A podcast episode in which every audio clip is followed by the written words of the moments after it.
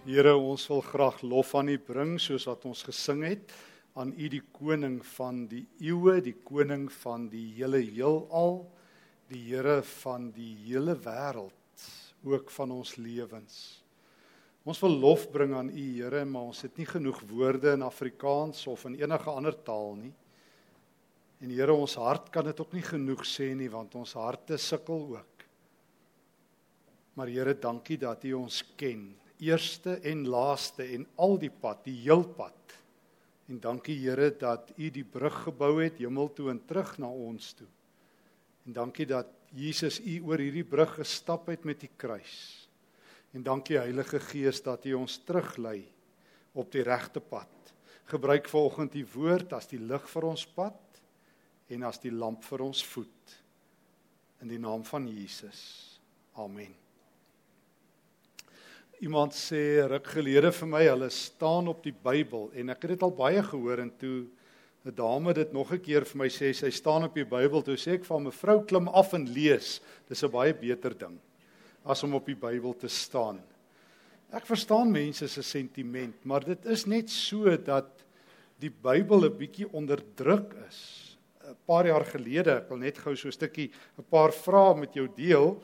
Hou die rapportryers onder ehm um, Afrikaanse skoolleerdlinge in Suid-Afrika 'n uh, 'n uh, Bybelkennis eksamen in 2012 20 vrae. En hier is 'n paar van die vrae. Kyk gou hoe sou jy gedoen het as ek 'n paar met jou deel. Wat is die grootste en die eerste gebod? Waarmee sal Johannes die Doper vervul wees? Op watter dag van die week is Jesus opgewek uit die dood? God het aan Abraham opdrag gegee om sy seun te offer. Wat was sy seun se naam? In watter rivier is Jesus gedoop? Eh, watter een uh, is volgens Paulus die grootste geloof, hoop of liefde? Wat is die laaste boek in die Nuwe Testament? Noem enige twee van die 10 gebooie. Nou net om jou uh, die inligting te gee, daar hierdie toets is afgelê onder 1971 graad 7 leerdlinge. Hulle gemiddelde slaagsyfer was 46% en dit was gehou onder 2311 graad 11 leerdlinge waarvan 36% was die gemiddeld wat hulle gekry het. Die Amerikaanse navorser George Barna bevind is vir my nog 'n meer skokkende ding en dit is dat die gemiddelde persoon op ouderdom 13 genoeg en kennis van die Bybel het om eintlik nie verder te wil groei of in te neem nie. Beteken in wat jy op ouderdom 13 weet, dan jy jou sogenaamde teologie, jou idee van God en dan sit jy maar net ietsie by of laat iets weg. Of jy sit in 'n kerk soos wat ek maar gereeld beleef as ek met mense praat na die tyd, dat jy net vat wat jou pas en die res gaan net so boor jou kop soos vinniger as weerlig. En die dilemma is, geliefdes, dat uh dat baie mense sê die Bybel is God se woord. Trouwens, ons is deel van 'n reformatoriese tradisie wat staan op een van die groot pilare wat Martin Luther ingeplant het. Hy het in Latyn gesê sola scriptura.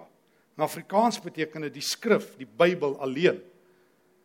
Maar dit lyk vir my meeste ouens wat ek ken, verstaan dit anderster. Die Bybel alleen, jy los dit daar. Bly weg. Moet dit nie te veel lees nie.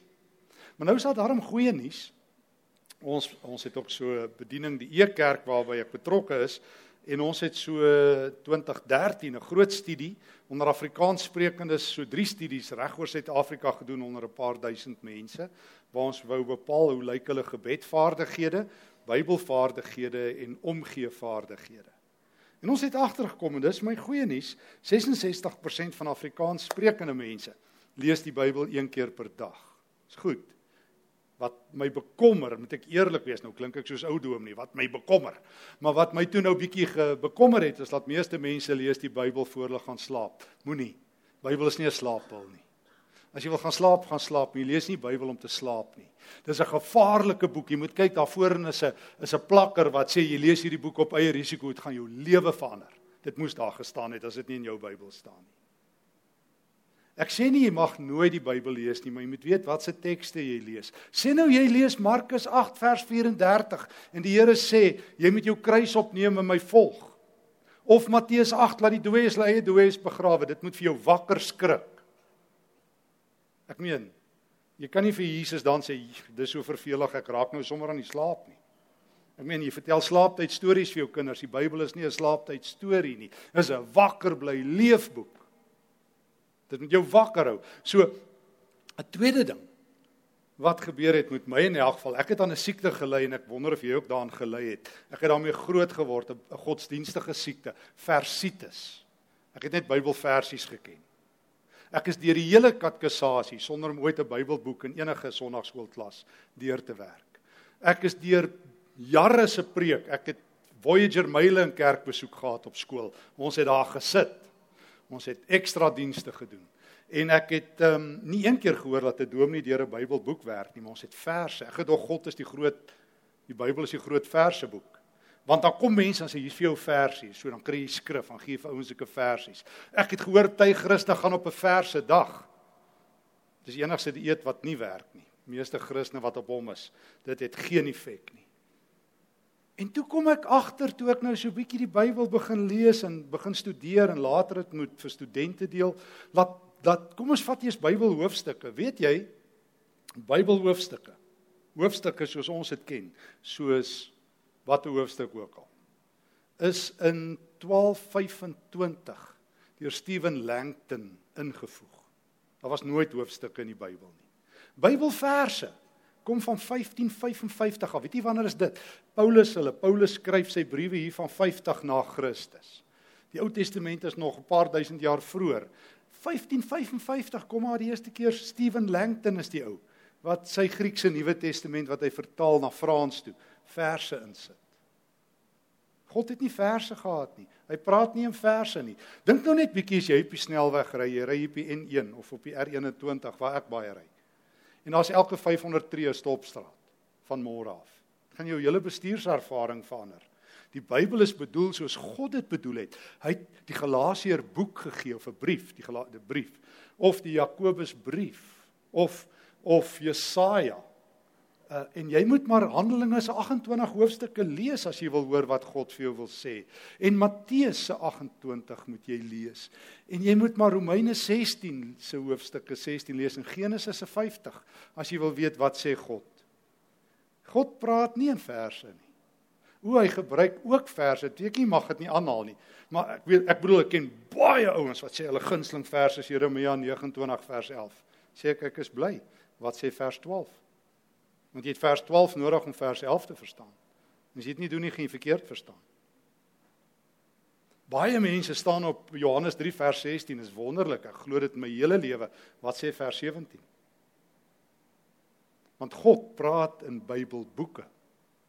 So, ons sê vir mekaar heel eerste, Bybelkennis is laag, maar tweedens sê ons vir mekaar is almal goeie ding dat jy die Bybel lees, wees net versigtig, 'n slaappil nie. En tweedens, hou op om aan versites te lui soos ek, raak Bybelboeke waar. Hierdie maand is die tema uh by kerk sonder mure dat ons dat ons moet leer. In Christendom is 'n lerende godsdiens. As jy opgehou leer het toe jy 13 was, is jy in moeilikheid punt. Ek meen waant jy gedink toe jy 13 was, kan jy onthou? Ek meen dit is nie asof jy toe vir jou ma gesê het, "Ma, ek wil die Bybel baas raak nie." Vir die meisies en die ouens gesit en aan nee, ekskuus toe. Sit en kyk in die Sondagskool. Ek wel, dis wat ons gedoen het. So laat ek nie my probleem jou nou maak nie. Maar maar geliefdes, ek die Bybel is 'n lerende boek. Christendom is anders as die ander godsdienste van die wêreld. Jy's lewenslank 'n student, jy gradueer nooit nie. Jy leer jou lewe lank by die Here. En nou gaan ons met mekaar 'n paar riglyne deel sodat ons geestelik met God se woord reg kan besig wees. Ek was lewenslank verkeer daarmee en mag dit met jou gebeur dat daar vanoggend 'n draaiplek is in jou lewe en laat jy nie van hier af nou nog net weer sit en op 'n Bybel dieet is van 'n verse dag en uh, jou gunsteling verse nie. Mag jy God se woord baas raak soos ons ou Afrikaanse prof terwyl ek op pad is na Psalm 1 toe die eerste teks. Uh prof Anna Neetling Pool wat die hele Lukas Evangelie uit haar kop geken het. Sy het sê ek gaan een Bybelboek baas raak. Lukas. So sal dit nie wonderlik wees as die Here se mense weer die boek van God ken nie, want God gee Bybelboeke aan sy kerk. En hy sê neem, eet, lees en groei. vriend van my sit nou die dag by 'n gesprek en die gesprek gaan in die rigting van een een persoon by die gesprek pak uit. Ek was eintlik deel van daai gesprek en een persoon pak uit en sê, "Weet ek kry niks geestelike kos in my kerk nie." En 'n ander dame sit so en sy vat haar Bybel en sy sê, "De, neem, lees, eet en word versadig." En ek dink, "Well dan." Thumbs up, like. Ja. Psalm 1 Ons eerste riglyn, ons eerste norm, ons eerste baken wat God oor God se woord sê. Dit gaan goed met die mens. Hoor mooi, dit gaan goed. Nou min mense in Suid-Afrika sê dit. O, almal sê dit. Wag 30 sekondes dan hoor jy die waarheid. As jy iemand vra, "Hoe gaan dit nie goed, dankie." Wag 30 sekondes dan hoor jy dit gaan nie. Dit gaan goed met die mens wat nie die raad van goddeloses volg, nie met sondaars omgaan en nie met ligsinnige saamspan nie, maar wat in die woord van die Here sy vreugde vind en dit dag en nag oordink. So is die goddeloses nie hoor ek in vers um, in vers 4. Maar hierdie mens wat die woord dag en nag oordink vers 3. Hy is soos 'n boom wat by die waterstrome geplant is en op die regte tyd sy vrugte dra en waarvan die blare nie verdroog nie. En hy's voorspoedig in alles wat hy aanpak. Nie ryk nie, voorspoedig in God se oë, suksesvol in God se oë. Soos goddeloses nie. Hulle is soos kaf wat deur die wind uitmekaar gewaai word. Hulle kan hulle nie handhaaf as die Here oor hulle oordeel nie. En die sondaars kan nie 'n plek hê tussen die regverdiges nie. Waarlik vers 6. Die Here lei regverdiges op hulle pad, maar die pad van goddeloses lei tot ondergang. Dis vers 2. Dit gaan goed met die mens wat die Here wat in die Here se woord vreugde vind en 'n dag en nag oordink. Hier is die eerste ding. Nêrens sê die Bybel jy moet net die Bybel lees nie. Dit is die veronderstelling. Jy moet die woord oordink. Die oomblik as jy oor iets begin dink, dan sien net inligting in inligting uit nie. Ek het agtergekom, ek is jare deur die kerk, en dis net inligting in inligting uit. Maar wanneer ek verander, is wanneer ek begin dink oor iets. Dis al wanneer jy verander. En ek sê nou nie dis 'n reël nie, maar ek het dikwels al vir teologie studente gesê, dis baie keer daai preke wat jy die meeste kritiek op kry, want dan skiet jy so bietjie mense uit hulle geriefsones, want hulle wil net inligting in inligting uit. Ek onthou die oom wat my een keer voorgekeer en sê, "Hoekom lees jy nie meer die wet nie?" Ek sê, "Nee, hoekom lees ek nie meer die wet nie?" Sê hom gou vir my op, oom, hier gaan ons. Daar hak hy vas. Ek sê, "Ouma, as ek sê kur dern kaptein, dan gaan jy sê, span die seile." So jy ken dit, Maar oom, jy sit 40 jaar het jy die wet gehoor, maar jy ken hom nie. Ek sê ek rus my punt. I, re, I rest my point. Jy wil net 13 minute oor 9 op 'n sonoggend die wet hoor. Maar wat dit sê, nee wat, die dom nie hou die tradisie. Maar die dag as ek hom weglaat, as ek vir jou sê, vertel hom vir my. So geliefdes, dit gaan daaroor dat jy die woord moet oordink.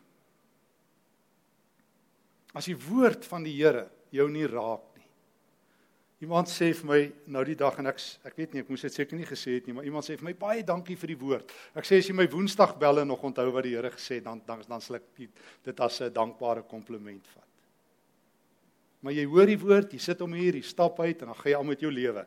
Dan hoor jy alweer wat het die ouens gesê by die begroting en die rugby moeilikheid kom alweer en ek weet nie wat alles nie. So dis wanneer jy God se woord begin oordink en hoor mooi, hoor mooi Hoor mooi, die volgende ene, wanneer jy die woord oordink, sal jy voorspoedig wees in die tweede een, Openbaring 10. Wanneer die woord van God deel van jou metabolisme word. Ek sou um, ook Esegiel kon lees, Esegiel 2 en 3. Maar daar gebeur 'n interessante ding met Johannes in Openbaring 10. 'n Groot engel verskyn aan hom en ek gaan net so twee verse lees uit Openbaring 10 en die engel het 'n boekie in sy hand. Vir ons doeleindes God se raadsplan, God se wil. En die engel staan met sy een voet op die see en sy een voet op die land. Dis 'n supergroot engel. Dis die grootste engel in die Bybel wat ek ooit van gelees het in postuur. En hier staan hierdie superengel en die engel hou 'n boekie uit na Johannes en hy sê vat hierdie boekie. En en en en en en hy sê dit vir hom in vers 9 van Openbaring 10, neem dit en eet dit op. Nou jy sien hier's die ding. Engele kan nie preek nie. Engele kan nie preek nie. Daar's net twee. As ek die Bybel lees, is daar net twee wat kan preek, wat God se woord kan bekend maak, mense en klippe. Net mense en klippe kan preek. Sê Jesus, hy sê as die kinders dit nie uitroep nie, sal die klippe begin preek. So jy moet altyd luister as jy by kerk kom of die klippe nie preek nie, dan weet jy jy kan ingaan. Want uh, die dag as mense ophou, gaan God klippe gebruik om te preek, maar engele kan nie preek nie. Maar die engel gee vir Johannes die boek en hy sê neem eet. Dit sal in jou maag bitter maak, maar dit sal in jou mond soos heuning wees, so soet soos heuning. Ek het toe die boekie uit die hand van die engel gevat en dit opgeëet. Dit was in my mond so soet soos heuning, maar toe ek dit insluk, het my maag bitter geword. Toe sê hulle vir my, jy moet nou weer God se boodskap aangaande baie volke, tale en konings verkondig. Jy moet die woord eet, met ander woorde Johannes, soet in die mond, bitter in die maag. Maklik om te hoor, moeilik om te doen. Dis die beeld. En nou Johannes kan jy gaan preek. Nou het jy iets. Nou word die woord binne. Nou gaan jy nie soos die en ek mag dit maar sê want ek het dit nou dag moes ek by 'n sinode praat, hoe sê ek vir hulle? Dis vir my verstommend hoe dominees met die Bybel werk. Ek sê julle nou moet ek hier na die sinode toe kom en sê wat sê die Bybel oor? Is die Bybel vir julle 'n geslote boek? Ekskuus vir die Hollandse woord, 'n go-to boek. As jy in die moeilikheid is, wat sê die Bybel oor A, B, C of D en F? Het julle dit nie geïnternaliseer nie? Sit nie in julle harte nie, kan julle nie uit die Bybel uit praat nie. So as jy die woord geëet het, soos Jesus in Lukas 24 en hy stap saam met die Emmausgangers. Dan het hy nie sy Bybel in 'n boek nie. Hy het die Bybel in sy hart en dan praat hy Lukas 24 vers 13 tot 35 gaan lek die skrif so uit sy lewe uit. Dan weet hy wat om vir mense te sê. Hulle wil weet wie die Messias. Dan sê hy nie bel die dominee of bel 'n vriend nie. Bybel is in sy hart. Die Bybel is deel van sy metabolisme. Hy verstaan hoe God werk. Dan spekuleer hy nie oor God se wil nie, want God se wil is in sy gedagtes. Dit was die groot prediker Charles Spurgeon wat 'n 'n reuse kerk in Londen op die been, been gebring het en herlewing laat uitbreek het en 'n vrou vra vir Spurgeon eendag, "Dr Spurgeon, what's your secret?" Hy sê no ma'am, no secret. Sy sê nee, but surely, surely sir. Hy sê o nee, as jy wil weet wat ek doen, lees elke dag die Bybel. Ek oordink dit. Ek sit dit in my gedagtes. Ek sit dit in my spysvertering. Ek leef uit die Bybel uit. Ek leer om uit die Bybel uit na die lewe toe te gaan. Ek gaan nie na die Bybel toe as daar 'n krisis is, dan slaat ek gou die Gideons Bybel oor. Oop, wat sê die Bybel gou oor? Ja, jy mag ook. Ek verstaan nie my verkeerd hoor nie. Wat sê die Bybel oor verlossing? Wat sê die Bybel oor saamwoon? Wat sê die Bybel oor dit nie? Want ek het die Bybel ek internaliseer die Bybel. Dit word deel van my metabolisme. Is nie net 'n klomp tekste nie. Ek leer om God se gedagtes agterna te dink. Want dis wat jy doen as jy die Bybel lees, kan ek dit vir jou weer sê. Jy leer om soos God te dink. Paulus sê in Efesiërs 4 vers 17 vir die Christene, moenie soos die heidene wees nie. Hulle koppe is pap. Was nie battery power, batterykrag nie, is pap, was niks, blank. Daar's niks wat God interesseer nie. Romeine 12:2 laat God jou gedagtes vernuwe. Laat jy 'n nuwe kop kry, laat jy 'n nuwe visie kry, laat jy deur Jesus se oë kyk na die wêreld. Dan gaan jy nie soos soos 'n ou nou die dag toe die daai Hanswors ding daar in Israel tref en elke Christen McDonald's wil afbrand. Dan gaan jy mos nou weet. Nou sê ons moet opstaan vir die Here. Ek vra van nou maar hoe staan 'n Christen op vir die Here? Wat sê die woord? Want hy sê kyk die moslems. Ek sê word 'n moslem as dit jou beïndruk. Maar dan sê maar net 'n Christelike betoger, as jy maar net die Christelike EFF, ek weet nie of mense dit mag sê nie. Maar wat sê Jesus? Want die woord, ek het nog ekskuus nie omdat ek slim is nie, maar ek het dit gaan internaliseer vir myself. Ek weet 1 Petrus 2 sê, Jesus is vir jou 'n voorbeeld. Toe hy gekruisig is. Wat het hy gedoen? Weerlig op die ouens gegooi, hulle gevloek en geslaan en hulle plekke afgebrand? Nee, toe hy beledig is, het hy nie terugbeledig nie. Toe hy geslaan is, het hy nie teruggeslaan nie. Hy het sy kruis gedra. Hierin sê Petrus is Jesus vir jou 'n voorbeeld. So as ou vir my sê ek moet opstaan vir die Here, dan sê ek ek staan op soos Jesus vir my sê, nie soos jy dink ek moet nie. Want die skrif moet in jou hart wees. Jy moet weet om vir elkeen 'n antwoord te gee 1 Petrus 2 oor die geloof wat in jou hart is. Maar as jy die woord geëet het, En en en toe die vrou vir Spurgeon vra wat is sy geheim? Toe sê hy, "Maar ek het die woord geëet en geëet." Sy sê, "Wat wat doen jy daarmee?" Hy sê, "Ek doen dit Maandag, Dinsdag, Woensdag, Donderdag, Vrydag en Saterdag gaan dink ek oor wat die Here vir my gegee het en Sondag gee ek dit terug vir my kerk." Dis my kerk se geheim. Hulle leef uit die woord. Psalm 119 vers 105 ken jy. Die woord van God is die lig vir my voet en die lamp vir my pad. Nou hier's die ding.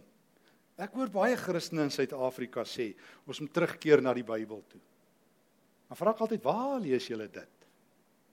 O, ek weet ons moet terugkeer na God toe want hy's alomteenwoordig, hy's voor my en agter my. Maar maar wat sê Psalm 119? Waar skyn die lig? Waar skyn die lig voor my op die pad? So die Bybel sê ek het net 6 ratte vorentoe. 'n Christen het nie 'n wat se reverse 'n 3 rat nie. 'n Christen reverse nie, behalwe as jy na God toe terugkeer want hy's alomteenwoordig. Maar die Bybel sê jy gaan vorentoe. Die lig skyn voor jou. Dit sê nou Jan Spies glo ek, hy het eendag die storie vertel. Hulle daar na Namibië ry, die die dominetjie en die ouderling daar na Namibië ry en toe waai die wind sterk van voor af. Toe waai dit later aan so sterk dat dit die kar se ligte onder die kar deur waai. Dat jy so in jou triespieeltjie moet kyk as jy die ligte wil sien. Behalwe as jy nou dit glo. Die Here se lig skyn nie voor my. So God sê twee dinge oor God se woord. Jy moet dit jy moet dit dag en nag oordink, Psalm 1 dag en nag. Net soos um, 1 Tessalonisense 5 sê met die woord, ag jy moet dag en nag bid, moet jy dag en nag die woord oordink en met die woord eet. Dit moet deel word van hoe jy dink. Nou wil ek graag saam met jou 'n paar oefeninge doen oor hoe mense dit doen. Want ek is dit nooit geleer om te doen nie. In die week vra 'n leraar my van 'n gemeente sy kollega's verlede week dood aan 'n hartaanval. En dit gaan sleg taai in die gemeente met 'n paar dinge. En dan, en hy sê hoe hoe praat 'n mens met mense in 'n tyd van swaar kry? Wat vir hom vra? Waar is God? Nou dan gaan ek nie daar sit en uit my duim suig en saam met meeste nou sê, jy weet ek dink God is so en God is so nie. Dan dink ek, wat is die groot verhaal? Wat het God vertel oor God self as daar 'n krisis is? En dit kom na my toe, Psalm 3. En ek sê vir hom, weet jy, jy het mos nou al gelees en jy loop. Jy, jy onthou mos die storie van Dawid wat vir sy seun gevlug het. Absalom. 2 Samuel 15 tot 18, daai hele lang teks. Sal bietjie vroeër. En ek dink nie dit gaan veel slegter as dat jou kind 'n kontrak uit het om jou te vermoor nie. Ek bedoel julle sal saamstem. Jy wil baie keer dit aan jou kind nee, skus, maar ek sê altyd dis hoekom Abraham vir Isak wou offer, hy was 'n tiener, maar dis nie regtig so nie. Maar maar maar jy Ah, Dawid vlug. Lankal is hy daar verby van Dawid wat reuse met klippe doodgooi. Dawid hardloop kaalvoet uit die stad uit. Hy los sy 10 byvroue om die stad te, op te pas. Ek weet dit gaan sleg as jy op 10 byvroue los om jou paleis op te pas. En daar gaan Dawid. En sy kind kom vir hom. Nee, dit kan nie slegter gaan nie. En ek vertel dit vir die dominee. Ek sê kom ons dink saam oor God. Wat doen Dawid in 'n tyd soos hierdie? Almal sê Dawid, waar's jou God? Dan skryf hy Psalm 3. Nou moet jy Psalm 3 gaan lees. Die opskrif is toe Dawid gevlug het vir sy kind Absalom. Daai Psalm sluit af. Dawid sê ek wil rustig gaan slaap. Dit lyk dit lyk nie asof Dawid sy naels afbyt van stres en sê dis klaar nie. Dan skryf hy daar in vers 5 van Psalm 3. Here, ek roep na U en van die heilige berg af sal U my hoor. Wat weet Dawid van God in 'n krisis? God het nie geskuif van wat Dawid geskuif het nie. God is op Sion, al is Dawid uit Jerusalem uit. God het nie geëmigreer nie. God is wie God is. En toe ek nou die dag saam met 'n vriend van my sit wat geskiet is en ons en hy sê waar's God? Ek sê, "Sjoe. Ek onthou 'n ander storie wat na my toe kom uit die Bybel, omdat ek omdat ek glo mense leef uit die Bybel. Ek onthou Johannes 7. Ag, ekskuus, Openbaring 7, die tweede moord in die vroeë kerk. Toe hulle toe hulle besig, die eerste moord, toe hulle Stefanus vermoor, die tweede een is Handelinge 11. Toe hulle vir Handelinge 12, toe hulle vir Stefanus vermoor. Hulle hom doodgooi met klippe. Enige ou hom sal vra nou waar is jou God Stefanus? Toe kyk hy so op na die hemel daar in vers 56 en hy sê Jesus ek sien u. Ek sien u en as ek u sien, sien ek nie hierdie klomp moordenaars nie. Here vergewe hulle terwyl hulle my vermoor. Ek sien die seun van die mens. Nou weet ek mos waar's die Here as daar krisis is. Ek hoef mos nou nie duim te suig nie. Ek het nou die dag daar by Hipolaan vertel, toe die oom vir my vertel God het geëmigreer. En ek vra waartoe? Sê nee Australië toe. Sê ek oom, hoe kom jy daarby uit? Hy sê nee, hy het so 'n paar jaar terug toe sy kinders nou soontoe is, toe het hy nou saam met hulle gebid, mag die Here saam met julle wees en toe is die Here saam met hulle. Hy sê jy moet kom ons nou sien hoe goed gaan dit in Australië. Ek sê nee oom, ek sien. En so die Here wil met ek vandag oor 2 weke daar in Brisbane preek by 'n kerk. Dan sal ek bietjie vir hulle weer vertel ook hierdie storie vertel. Mense moet hulle ook help. Ehm um, toe toe toe sê ek sê ouma ek was nou die dag in Sydney, ek moes daar 'n ding aanbied. Jo, ek het baie gesien, voorspoed, veiligheid en, en al die dinge. Maar gesukkel om God raak te sien. So ouma het nie gemigreer nie. Jou teologie is nie lekker nie. Maar hoekom kan ek hom help? Nie omdat ek slim is nie. Omdat die omdat ek die Here se woord met my lewe liefhet. Dis die lig vir my pad. En dis nie net iets waartoe ek gaan nie, dis iets waaruit ek leef. Dis nie 'n toeboek nie. En dan ewe skielik maak ek dit oop Zimzalabim en dan val daar drie tekste uit, nie? Dan staan ek op hulle nie. Ek gaan ek gaan leef. Ek wil Petrus se storie agterna leef. Ek wil weet hoe staan ek op vir die Here as, McDonald's Mac Jesus het aan 'n kruis. En ek wil weet as die land brand wat ek moet doen. Van van Australië gepraat, ek moet so 'n bietjie ook daar by 'n in Perth by 'n tersiêre instelling klasse gee en so 3 jaar, 4 jaar terug het hulle vir my voltydse pos twee keer aangebied. Nou nou moet ek mos nou onderskei hoe werk God se wil. Kom ek doen 'n oefening saam met jou in die Bybel. Want ek het groot geword, almal praat oor God se wil, maar niemand weet wat dit is nie. Dis 'n misterie blykbaar. Ek bedoel ek hoor dat Dominee sê, ehm um, God het 'n plan vir jou lewe. Dan sê ek altyd jy moet jou geld terugvra as 'n Dominee dit vir jou sê. Vat jou bydrae die kollekte terug en soek 'n kerk wat die Bybel ken. Want as jy op 60 of op 65 hoor God het nog 'n plan vir jou lewe, is jy in groot moeilikheid, né? Maar as jy die woord gaan lees, nou moet ek besluit, moet ek bly of moet ek ry? Sit nou Perth of Kenton Park. Toe onthou ek maar maar maar Jesus het my geleer Johannes 6 vers 38 tot 40, die grootste teks oor God se wil. En ek onthou Jesus het dit daar in Kapernaum geleer. Toe sê hy ek het nie gekom om um, om my eie wil te doen nie, maar die wil van my Vader. En dis die wil van my Vader. Daar staan dit dat elkeen wat in my glo die ewige lewe sal hê. So nou weet ek God se wil is Jesus Christus. So ek moet my hele lewe rondom Jesus lewe. Nou onthou ek al daai tekste of ek eet of ek drink, né? Kolossense 3:13, 3:17 of 3:23, 1 Korintiërs 10:31 of ek eet of ek drink of ek enigiets doen, ek doen dit vir die Here. Dis nie net praatjies nie. Jy weet ons moet vir die Here leef sê mense. Ek doen. Nou die dag vir oom gesê, toe hy gesê ons moet vir die Here leef. Toe sê ek oom, nou vertel vir my wanneer gaan daai oomblik losbreek in jou lewe? Want ek doen. Dis nie vir my hipotese nie. Ek is op met die kerk wat sê ons nog iets doen vir die Here. Ek doen dit elke dag. Ek gee my lewe vir die Here want die woord sê dit vir my. Dan vra ek oom, wat doen jy? Vertel my jou beste storie oor Jesus die afgelope week. Hoe die woord in jou gegroei en uit jou uitgegroei. En toe onthou ek oor God se wil toe ek nou moet dink oor Perth. Maar daar's vyf familiereëls. Want al wat ek vir myself vra, wat waar word oor God se wil in die Nuwe Testament geskryf. Dan hoef ek nie saam met Christus sulke goeters te sê soos daar's 'n doel met alles of as jou streepie getrek is, wat moet gebeur sal gebeur. Toe maar jy sal later verstaan, alles sal uitwerk vir die beste of hoe almal Romeine 8:28 misbruik. Um God sal alles laat in goeie meewerk. Niemand lees vers 29 waar Paulus sê hoe dit gebeur nie, sodat Christus in jou gestalte kan kry.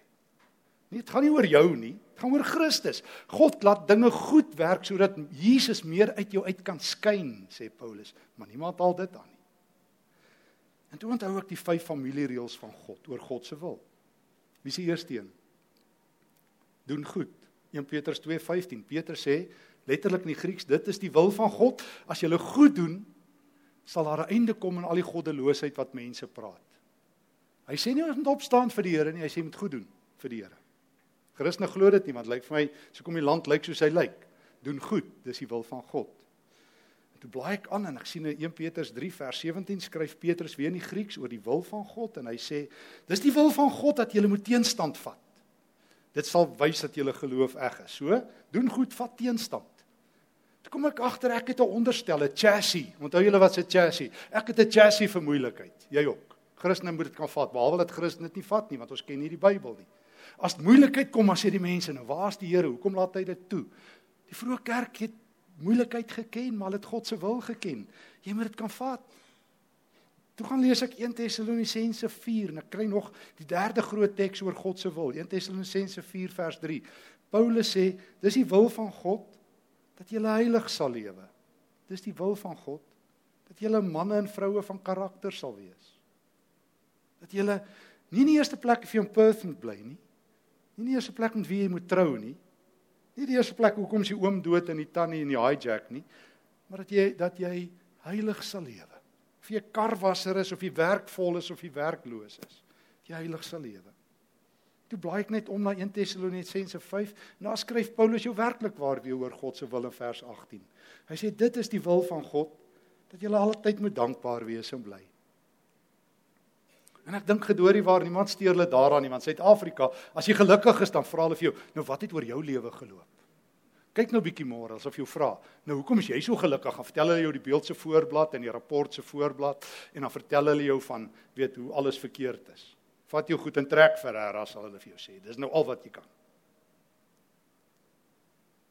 So ek hoor is God se wil dat ek diep gelukkig moet wees. En die 50 familiereël leef vrygewig. Ek hoor hoe Paulus in 2 Korintiërs 8 vers 5 vir die Christene sê, uh, dis die wil van God dat jy jouself moet gee aan die Here en al jou besittings en ook aan ander. Nou het ek vyf familiereëls vir God se wil. Doen goed, vat teenstand, wees heilig, um, wees altyd bly en wees vrygewig. Nou hoef ek nie te bid soos soos iemand nou die dag vir my skryf, sy soek God se wil of hulle moet immigreer en toe val haar 'n jacaranda blom op kop toe weet sy dis 'n teken. Ernstig. Sê ek van mevrou, jy speel met vuur om die lewende God aan jacaranda blommetjies in Oktober in Pretoria uh, gelyk te skakel. God is nie jou speelmaat God is nie 'n speelietjie speler wat blommetjies gooi op iemand en dit nie. Dit klink vir jou reg want jy wil hê dit moet reg wees. Jy sal enigiets konnekteer want God stem met die meeste mense saam wat nie die woord ken nie. Ek het al agtergekom. Nou eendag weer vir 'n vriend vir my gesê toe hy sê die Here sê vir hom dit. Toe sê ek, jy en die Here stem altyd saam.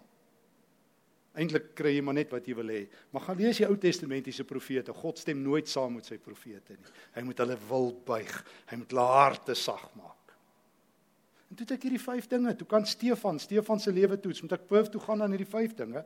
So, uh, die eerste een is doen goed. Waar gaan ek die meeste geleentheid hê vir myself om goed te doen?